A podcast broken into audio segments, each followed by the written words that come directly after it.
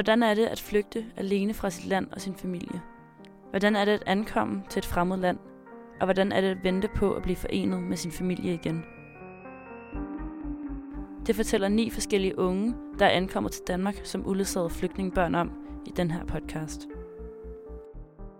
Det her afsnit hedder Elsa og familien og handler om Elsa, der som 16-årig flygter fra Eritrea med en drøm om at få en bedre fremtid i Europa for sig selv og sin familie.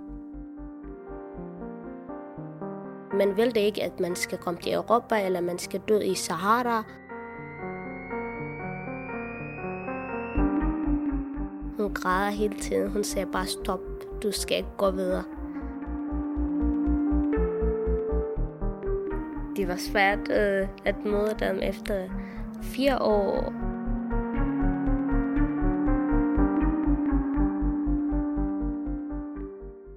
Mit navn er Elsa. Jeg kommer fra Eritrea, og jeg er 22 år, og jeg går i skole nu som grundforløbet til sosu-hjælper. Jeg bor her på Forsberg. Vi sidder i stuen i Elsas lejlighed. På væggene hænger der plakater, der afbilder forskellige scener fra Bibelen. Af og til er der en søskende, der kigger ind gennem glasdøren.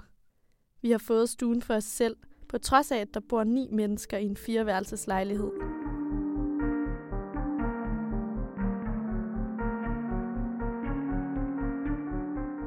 Elsa er opvokset i det nordøstafrikanske land Eritrea med sin mor, søskende og mors mand. Hun har været glad for sin opvækst, men hun ser ikke en fremtid i Eritrea. I Eritrea er der militært diktatur, hvor alle skal i militæret uanset køn. Og det er ikke en mulighed at lade være. Derfor vil Elsa gerne flygte. Men det er ikke lige til at komme til Europa, når man bor i et land, hvor der er udrejseforbud – Elsa er ikke den eneste, der gerne vil flygte og lægger planer med sine venner.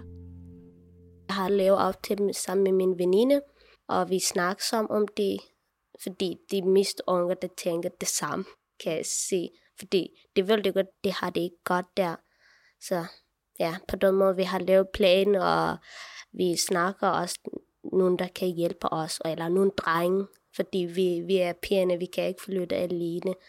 Så når vi finder en to, to drenge, så vi flytter bare en aften, eller en dag i aften. Målet er at komme til Europa og få familiesammenføring. Alligevel inddrager Elsa ikke sin familie i planen. Jeg beslutter bare selv, fordi øh, hvis jeg øh, snakker om det med min familie, så selvfølgelig min mor sagde nej til det. Rejsen er farlig, og Elsa vil ikke have, at hendes familie skal bekymre sig. Man kan ikke fortælle bare til familie, jeg skal til Europa nu, eller jeg laver sådan der, sådan der plan. Det er rigtig, rigtig svært. Man skal vide først, at man er i Europa, så bagefter kan man fortælle til familie. Fordi man vil det ikke, at man skal komme til Europa, eller man skal dø i Sahara, eller i Libyen. Man vil det ikke det.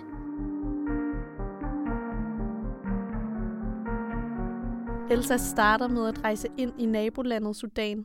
Hun har prøvet at flygte en gang før, hvor hun blev fanget og kom i fængsel i tre måneder. Da Elsa er 16 år, prøver hun igen.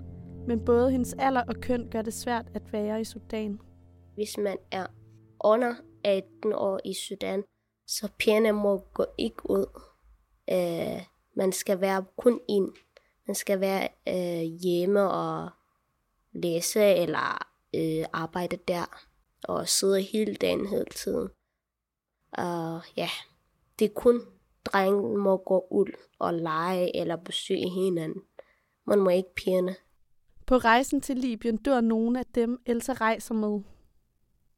Da jeg var kommet første gang fra Sudan til Libyen, så min mor også hørt, at nogen, der var sammen med mig, der er nogen, der er død, og min mor bliver helt crazy, og det er min barn, eller hun siger det. Ej, min barn er sammen med dem. Hvor er hun? Når jeg er tilbage, jeg har kontakt til hende. Hun græder hele tiden. Hun siger bare stop. Du skal ikke gå videre. Så, men hvis jeg sidder der, og, eller bor der i Sudan, hvad skal jeg lave? Jeg har ikke noget fremtid, eller jeg har ikke noget til at gøre. Så jeg sagde bare ok til min mor. Så efter nogle dage, eller efter nogle uger, så jeg flytter igen fra Sudan til Libyen. For at komme til Europa skal man med båd fra Libyen til Italien. Elsa er blevet advaret om at tage afsted, da der er dårligt vejr. Hvis man er dårlig vejr, det er næsten 90 procent, man kan dø. Men det var vigtigere for hende at komme hurtigt til Italien. Først skal man med en båd. Vi, vi kørte med en lille skib til hele natten, til klokken 7 om morgenen. Og så er planen at blive hentet af et skib. Men det er ikke sikkert, at skibet henter dem. Måske de kommer ikke, måske de kan ikke finde vejen. Øh, måske skiben bliver skidt, og der kommer vand i, og vi bliver glade, når de kommer. Så er vi vil godt, at vi er i sikkerhed. Elsa er kommet til Italien og tager nu toget op gennem Europa. Efter at være flygtet fra flere asylcentre og gemt sig i togene, er Elsa ankommet til Danmark, hvor hun ringer til sin familie. Jeg har kontakt først med min moster, øh, fordi jeg har gemt hendes telefonnummer på mit hoved. Så bagefter hun ringer til min mor og til hele familien, der øh, i Eritrea eller i andre udlande. Det sværeste for Elsa er at snakke med sin mor. Jeg kan ikke snakke med min mor. Jeg græder hele tiden, og jeg ved ikke, hvad skal jeg sige til hende, men øh, min mor bliver rigtig glad, når jeg kommer her, og jeg fortæller hende, at jeg har det godt, og jeg har det i sikkerhed, og ja, jeg var meget bekymret, at min familie kom til Danmark. Meget, meget. Elsa er nu i sikkerhed, men det er resten af hendes familie ikke. De er i mellemtiden flyttet til Etiopien. Der er ikke noget, der passer på dem, og de kan ikke øh, leve som de andre. De kan ikke, øh, mine søskende for eksempel, de kan ikke gå i skole og sådan noget. Noget af det første Elsa gør i Danmark er at søge om familiesammenføring. Tre år efter får hun et brev. Jeg har fået et brev fra Olienstyrelsen på e-boks, så jeg har set den, men jeg tænker, at det, det er opladsløsere til min familie.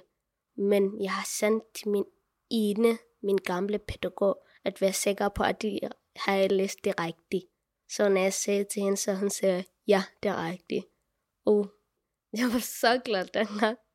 Det var aften, jeg var i seng, så jeg sagde, oh, så tænker jeg, når jeg har set den brev, så tænker jeg bare, at min familie er her sammen med mig.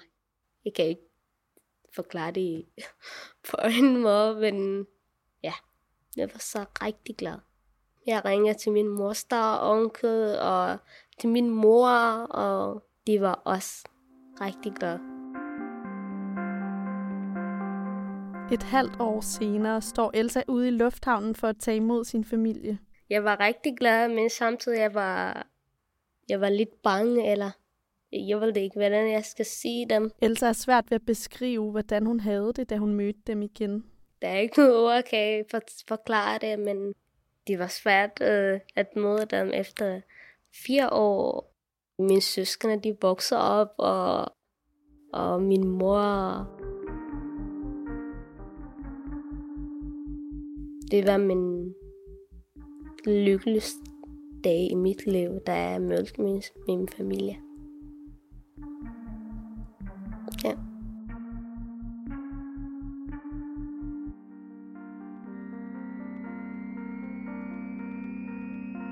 Du har lyttet til Elsa og familien, det andet afsnit i de uledsagede podcast.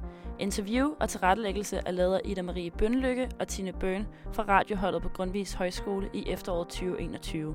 Musik af Rune Herlsson Nielsen. Podcasten er lavet i samarbejde med forfatterne bag bogen De Uledsagedes Bog, Michael Graversen og Mads Nygaard.